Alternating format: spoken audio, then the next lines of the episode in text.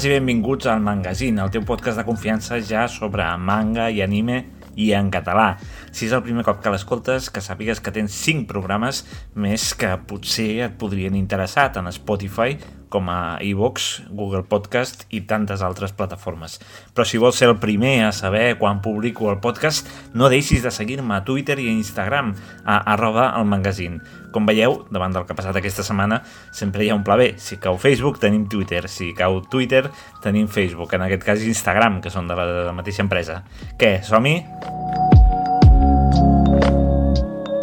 Abans d'iniciar el podcast d'avui he de donar-vos les gràcies a totes aquelles persones que, mica en mica, us heu estat sumant a aquesta petita família d'aficionats a l'anime i al manga entre Spotify i Evox, que serien de les dues prim primeres eh, o principals plataformes ara mateix de podcast, eh, sumem ja més d'un centenar de reproduccions i, curiosament, tret d'alguna excepció, la majoria de programes estan força igualats, la qual cosa vol dir, si no m'equivoco, que us genera el mateix interès si parlo de Tokyo Revengers, la sèrie que ara mateix està més de moda, com si parlo de Sailor Moon o del manga de Gorda o El Patito Feo que surt con los cielos. En fi, que moltes gràcies per acompanyar-me en aquesta afició meva, que també és la vostra, i tant de bo em pugueu ajudar compartint els episodis amb els vostres amics i coneguts, subscrivint-vos als canals i comentant el que us sembla cada capítol. I un últim advertiment, i és que aquesta setmana tindreu ració doble de podcast. D'una banda, aquest que esteu escoltant ara, que tindrà, espero, la durada habitual, és a dir, de mitja horeta, en la mateixa línia que la resta de programes. Ara bé, com que aquest és el meu podcast i faig el que vull, i a més eh, ja vaig dir que m'agradaria de tant en tant introduir entrevistes, tertúlies i altres formats, doncs per celebrar el primer mes del podcast us porto una novetat. Entrevisto a Ferran de Vargas, l'autor del llibre Izquierda y Revolución, una història política del Japó de postguerra. Penso que és molt interessant, ja que porta context històric, que tot aquest auge del manga i de l'anime dels anys eh, 50, 60 i 70, i també, per què no, eh, perquè permet començar a aprofundir en un país que sovint tenim molt idealitzat. Bé, i canviant de tema, anem a repassar l'actualitat de la setmana.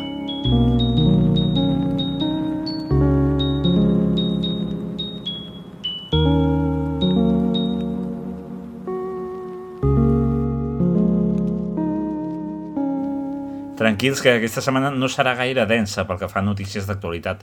De llicències només n'hi ha hagut una. L'editorial Héroes de Papel va anunciar Ryuko, una sèrie que té dos volums de l'autor Eldo Yoshimizu, que tracta sobre el món de la Yakuza en un context d'un cop militar. Segons la mateixa editorial, el primer lliurament sortirà al mercat el mes de novembre, si bé no tenim data concreta encara. El que sí que tenim aquesta setmana són els llançaments. Aquest dimecres destaca l'arribada de Yokohama Eki, una sèrie dibuixada per Gombe Shinkawa i guió original de Yuba Isuraki, que retrata la vida d'un noi, Hiroto, que viu en un món distòpic en què l'estació de Yokohama ha ocupat pràcticament tota l'illa central de l'arxipèlag japonès. Ell és un dels pocs que resideixen fora de l'estació, però aconsegueix endinsar-s'hi gràcies a un dispositiu que li lliura un exiliat que arriba al seu poble. Durant 5 dies i 400 quilòmetres descobrirem un edifici que té vida pròpia. Quan aquest manga es va publicar originalment al Japó, es va recopilar en 3 volums, però ara Planeta Còmic el treu en un sol volum integral que surt precisament avui. També demà es publica el primer número de Sunken Rock, D'aquesta sèrie en vaig parlar breument quan es va anunciar, però l'únic que necessiteu saber és que és del dibuixant de Doctor Stone, Hotel i tantes altres sèries popularíssimes tant per les seves trames com per, sobretot, per un dibuix que et deixa al·lucinat.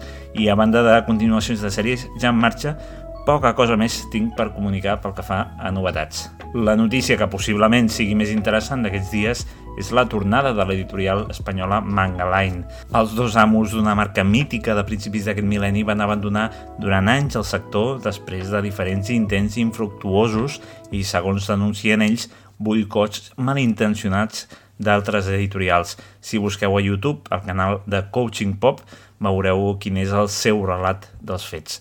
El cas és que ara han decidit tornar, això sí, no amb un projecte propi, sinó cedint la marca a persones de diferents països una mica a moda de franquícia. Aquest diumenge es van donar a conèixer aquests projectes editorials, un a l'estat espanyol, l'altre a Mèxic i l'altre a Perú. així com també un web des d'on es podran descarregar legalment els títols que vagin publicant. Sí que es van fer anuncis d'alguns títols, però per ara no s'ha especificat quan sortiran ni si hi haurà alguna manera d'adquirir-los en botigues especialitzades i llibreries. Sigui com sigui, haurem d'estar pendents d'aquest projecte, al que alguns els donen 4 dies i altres una llarga vida d'èxits.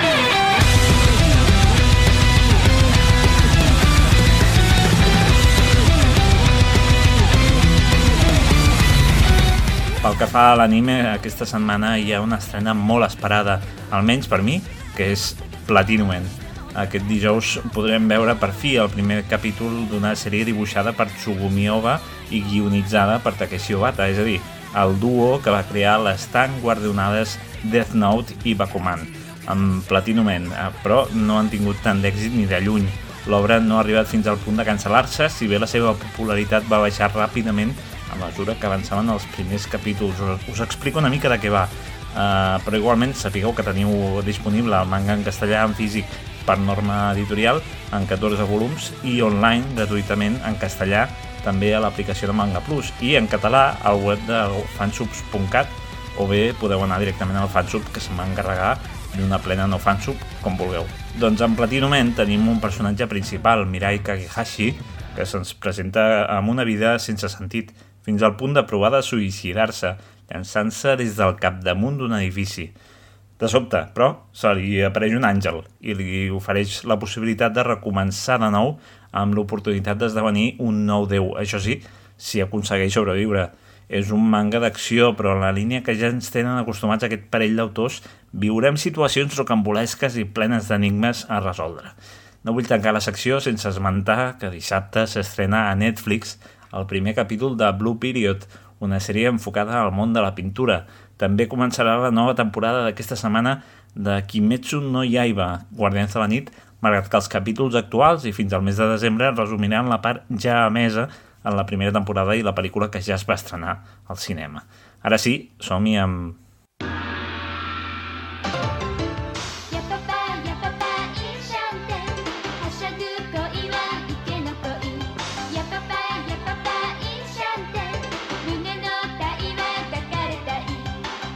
No sé si ho recordareu, espero que sí, que en el capítol anterior d'aquesta secció del Rewind, on faig un repàs eh, per la història del manga i de l'anime a casa nostra, doncs vaig parlar de les Magical Girls, aprofitant que Antena 3 eh, va començar a emetre Sailor Moon a la televisió justament des de l'any 1993.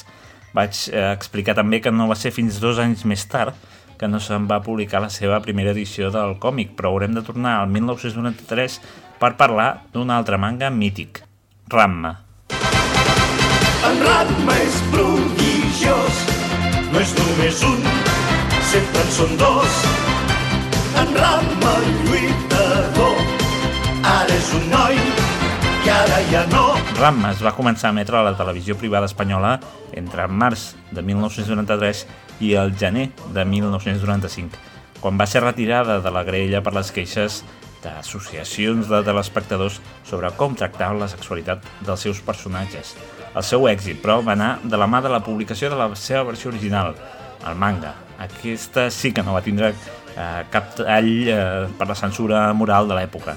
Així doncs, al mes de maig de 1993 va sortir publicat el primer número d'una d'aquelles edicions sui generis espanyoles en què es retallaven els capítols a conveniència per tal que tots tinguessin 48 pàgines. En aquells temps que es contractaven sèries per parts, és a dir, potser et deien que Ramma tenia només 7 números o un format comic book, però ara això sabem que era fals. No sé si en aquella època estaven tan informats i al final hi queien de quatre grapes, però el cas és que lògicament amb 7 números de 48 pàgines amb prou feines podien arribar a cobrir dos volums del total de 38 que conté aquest manga japonès.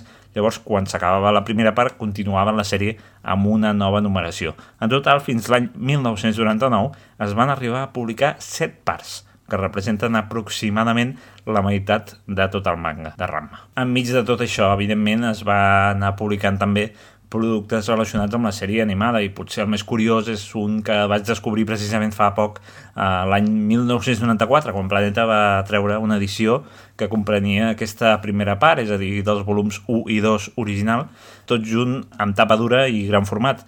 De regal, a més, et donaven un VHS amb les oves 1 i 2, que es titulaven Enfrontament amb xampú, el problema de la joia irreversible, i la segona, que es deia El boig Nadal dels Tendo. Aquella jove aportaven trames ben diferenciades a una sèrie que en realitat ja s'havia acabat d'emetre al Japó, però que d'alguna manera permetien allargar el fenomen. En total, per cert, n'hi va haver 12. També es van fer 3 pel·lícules i diversos especials. Tot això a banda, és clar, dels 161 episodis de la sèrie animada que van deixar penjada l'adaptació de tot el manga. Però si el fenomen de Rama va tenir tanta popularitat va ser per la seva emissió a Televisió de Catalunya.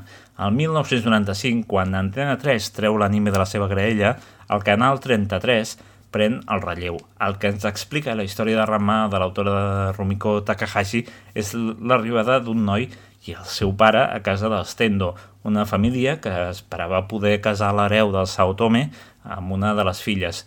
Com molts bé sabreu, en Ramma Saotome té un problema, o un dos, segons eh, com es miri, que és que quan el seu cos toca l'aigua freda es converteix en una dona, en tots els seus atributs. Juntament amb Inuyasha, Ramma és potser el manga més conegut de l'autora, però si feu un repàs per les històries que ha anat publicant al llarg de les dècades, podeu veure com l'estil és gairebé sempre bastant similar barrejant la vida quotidiana amb algun element sobrenatural o estrany, eh, arts marcials i tota la pesca. I jo em dic l'amo, l'amo, vinc de molt lluny, vinc de l'espai.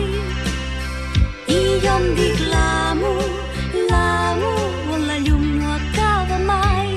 I ja que parlo de Ramma i de l'autora Rumiko Takahashi, és imprescindible esmentar l'amo, Urusei Yatsura, així es deia originàriament a la sèrie en japonès. Es va emetre a l'espai del Club Super 3 per primer cop el 6 de desembre de 1992. Durant els seus 195 episodis vam conèixer la història d'una alienígena que en el seu intent de conquerir la Terra es troba amb l'Ataru, un noi que per una confusió es lliga a l'amo i que es veu enmig de situacions còmiques i alhora perilloses per l'aparició d'altres alienígenes que també proven de conquerir el planeta.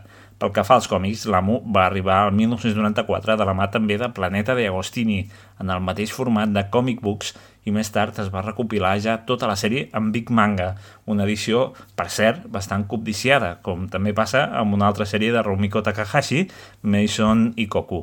Tot i així, amb l'Amo, hi ha disponibles des de fa poc un parell de volums a color que recullen algunes de les millors escenes de les aventures i desgràcies d'aquest parell de protagonistes.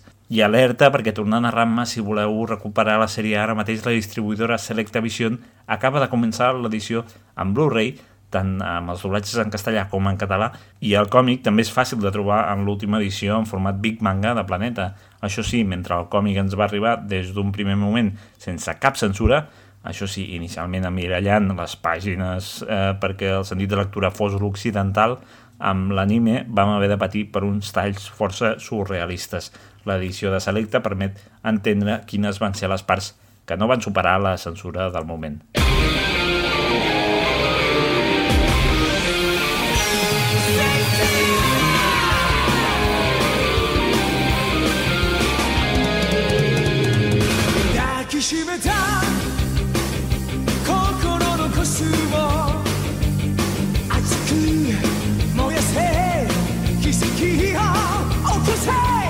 Canviant de sèrie completament l'any 1993, ja dic, mentre vivíem el fenomen de bola d'Arac i ja estava en marxa la sèrie vermella dels còmics, per tant ja anàvem força avançats en la publicació del manga, i també teníem altres sèries com Ramma o Sailor Moon a la televisió. De sobte, com que allò era un no parar, arriba el còmic de Saint Seiya, en castellà Los Caballeros del Zodíaco. Aquells primers anys 90 ens arribava de tot, ja sigui a la televisió com les llibreries i els quioscos. Era un moment per experimentar. Es pensava que al mercat japonès hi hauria moltes boles de drac, és a dir, molts fenòmens que, un cop importats, representarien un gran volum de vendes. Qui més diners hi va dedicar en aquest moment, lògicament, va ser Planeta, que després de portar Pau, eh, com ja vaig comentar la setmana passada, va continuar amb Hotel Harbor View, Mai, Striker, Shannon, Ghost in the Shell, Gonhead, Ramma i de la que vull parlar breument ara mateix, que és Senseiya.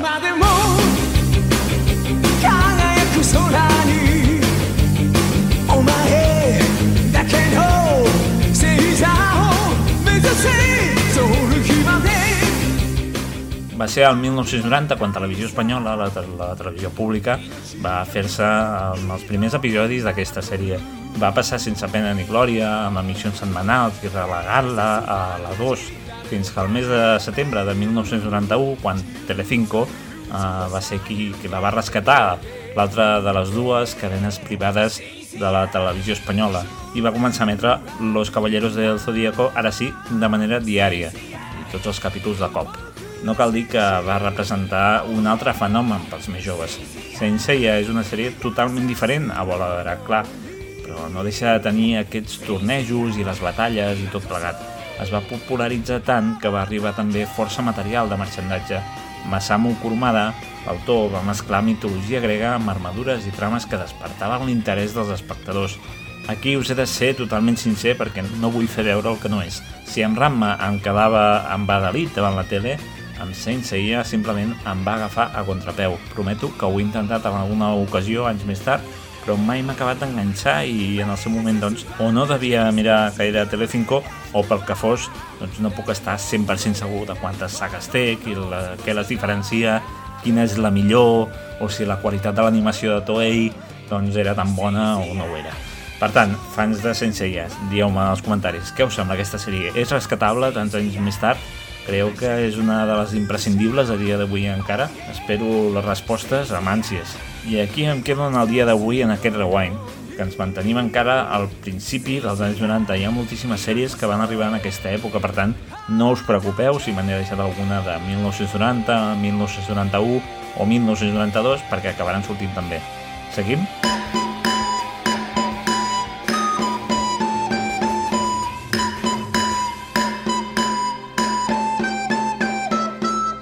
Espectacular aquesta sèrie del Joc del Calamar, eh?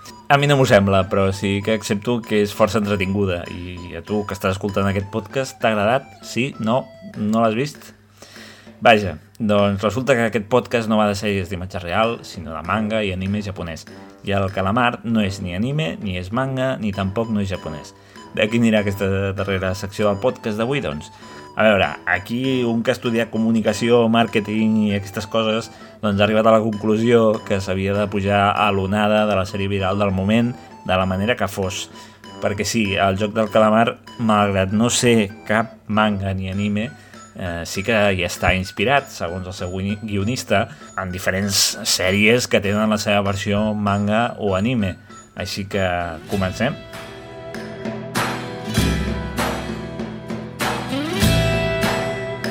El joc del calamar, per qui no ho sàpiga encara, és la sèrie del moment a Netflix. La número 1 en més de 80 països ara mateix, se'n parla a tot arreu, famosos la comenten i els memes, les burles i tot plegat són recurrents. Tot comença quan Seung Gi-hun, un eh, home de mitjana edat sense feina i que viu a costelles de la seva mare malalta, rep la invitació per participar d'un joc a canvi de diners. L'obra rep el títol d'un joc de carrer que Gi-hun i el seu amic Sang-woo jugaven junts quan eren petits. El joc és bastant físic i només acaba quan s'aconsegueix arribar a un guanyador final. El joc es diu així, ja que els guanyadors han de dibuixar diferents formes geomètriques, com ara el cercle, el quadrat o el triangle, al terra, que en conjunt semblen formar un calamar. Si un atacant aconsegueix travessar el defensor i entrar al cap del calamar, se'l proclama com a guanyador del joc. La sèrie narra la història d'un grup de persones que decideixen convertir-se en jugadors d'un joc misteriós de supervivència que té com a premi l'enorme quantitat de 45.000 milions de wons. Entre els jugadors es troben Ki-hun, un home benèvol que sembla haver-ho perdut tot després de ser acomiadat a la feina, Sang-woo, un home astut que es fica en problemes a la feina després de robar diners de la companyia, Deok-so, un perillós i despietat, home que està disposat a fer el que sigui. Jong-ho, un oficial molt sagaç que s'infiltra per descobrir la veritat. Kang Sae-byok, eh, una jove i rebel desertora nord-coreana que necessita diners per la seva família. Han Min-yo, una dona salvatge a la qual no li importa enganyar. I Abdul Ali, un afable jove immigrant del Pakistan. Aquests són alguns dels personatges que anirem coneixent al llarg dels nou capítols que dura la primera temporada d'aquesta sèrie que es va estrenar el passat 17 de setembre. En definitiva, estem parlant d'una trama de supervivència, engany, joc i misteri. ben embolicada, això sí, en un packaging però colorit amb escenes impactants i un ritme que si bé al principi pot fer-se una mica lent, al final t'acaba atrapant. I no oblidem les múltiples interpretacions que se n'han fet, ja sigui que és eh, una gran crítica a les diferències de classe a la societat coreana i el paper de les elites, com també hi ha qui considera que pretén ser una lliçó per a les persones que s'endeuten per sobre de les seves possibilitats. Certament hi veiem problemàtiques socials que des del punt de vista d'una societat eh, civilitzada no serien acceptables, com ara que la mare del protagonista, ja vella, hagi de continuar treballant malgrat tenir càncer, ja que no es pot pagar les factures de l'hospital i deixar de portar un sou a casa. O bé el mur de falses expectatives amb què es troben molts desertors nord-coreans quan decideixen creuar la frontera, esperant una societat ideal que està tan corrompuda o més que la del país d'on provenen. Squid Game és obra del sud-coreà Hwang Dong-hyuk, que en diferents entrevistes ha reconegut que algunes de les seves inspiracions són ben conegudes pels aficionats al manga, l'anime i les sèries live action adaptades d'aquests productes.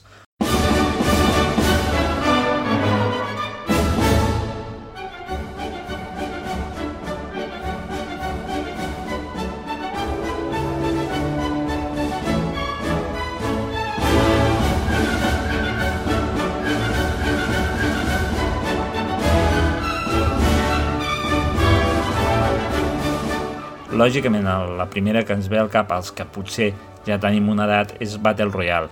Originàriament una novel·la publicada l'any 1999 va tindre dues adaptacions pràcticament al mateix temps, una al cinema i l'altra en manga. Pel que fa a la versió cinematogràfica, va arribar al mercat espanyol dos anys després, el 2002, de la seva estrena al Japó. Personalment recordo que en un temps en què els fenòmens virals no existien encara per l'absència de xarxes socials, sí que se'n va parlar força de la pel·lícula de Battle Royale. Per això va arribar el manga encara dos anys més tard, el 2004, que si bé s'anunciava com una mena de versió manga de la pel·lícula, és en realitat una adaptació paral·lela. Segons l'autor de la novel·la, Koushun Takami, el manga és la versió més fidel al que volia expressar mitjançant el seu llibre i no tant la pel·lícula que potser va aconseguir més popularitat. He de dir que jo vaig veure primer la pel·lícula i que em va impactar moltíssim. En aquells temps jo devia tindre 14 o 15 anys i era segurament la primera o de les primeres vegades que veia un film amb tantes imatges de violència gratuïta. Ara bé, el manga, publicat originalment a la revista Young Magazine per un públic adult, encara tenia més dosis de sang i fetge. Val a dir que la versió en castellà es va reeditar tot just abans, eh, durant i després de la pandèmia, per la qual cosa és fàcil de trobar.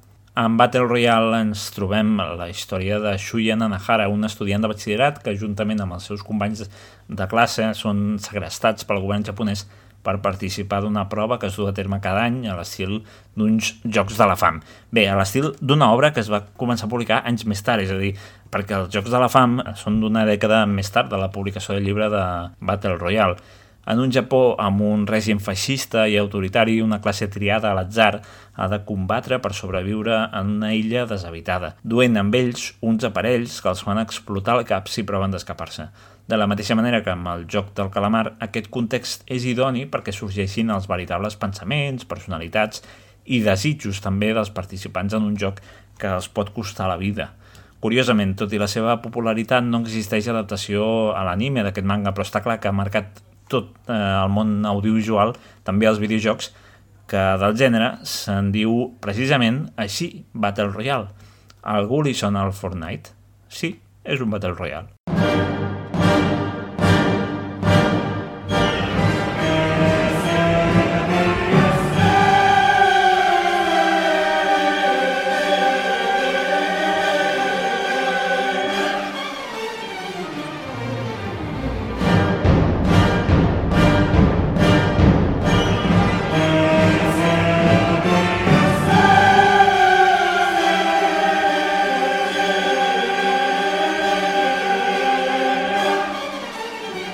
Doncs una altra Battle Royale és la sèrie recentment popularitzada Alice in Borderland. La seva adaptació live action de Netflix l'ha catapultat com una de les sèries més vistes de la plataforma, però el seu manga es va començar a publicar el 2010 i està acabada amb 18 volums. Precisament l'editorial Ibrea, responsable de l'arribada de Battle Royale a l'estat espanyol, també acaba de publicar Alice in Borderland, l'original Imawa no Kuni no Alice, en volums dobles. La trama dels dos productes és un pèl diferent entre ells.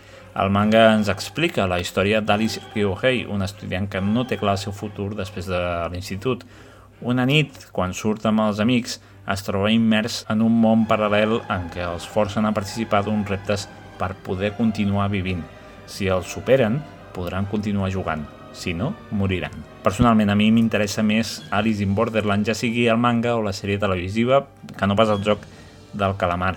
Sobretot perquè és altament addictiva. Amb el joc del calamar he de dir que he trigat bastant més a acabar-la que no pas amb Alice in Borderland, que malgrat me la volia dosificar, al final vaig sucumbir i espero amb moltíssimes ganes la segona temporada. Aquestes són dues de les inspiracions que ha reconegut Hwang Dong-hyuk, l'autor del joc del calamar, a l'hora d'escriure el guió de la seva sèrie.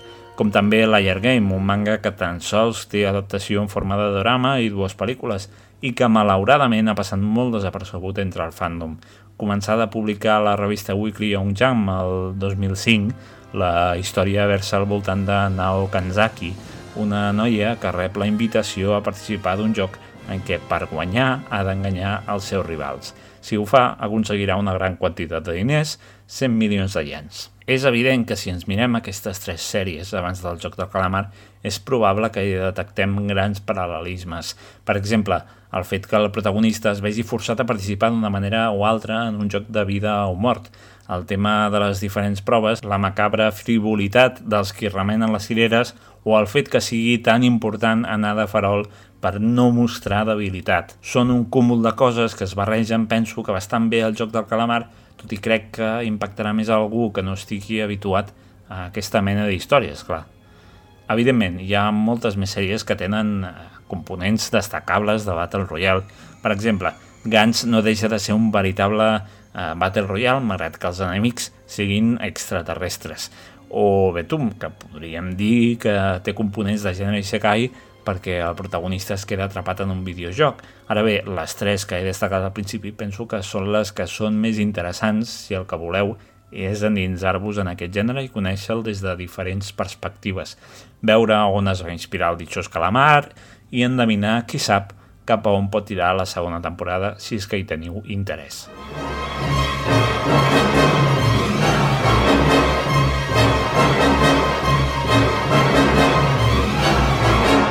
I això és tot per avui. Espero que hàgiu gaudit d'aquest eh, sisè episodi del magazine i que decidiu donar-li una oportunitat a l'entrevista que també està disponible des d'avui a Ferran de Vargas sobre el seu llibre al voltant de la societat japonesa de la segona meitat del segle XX.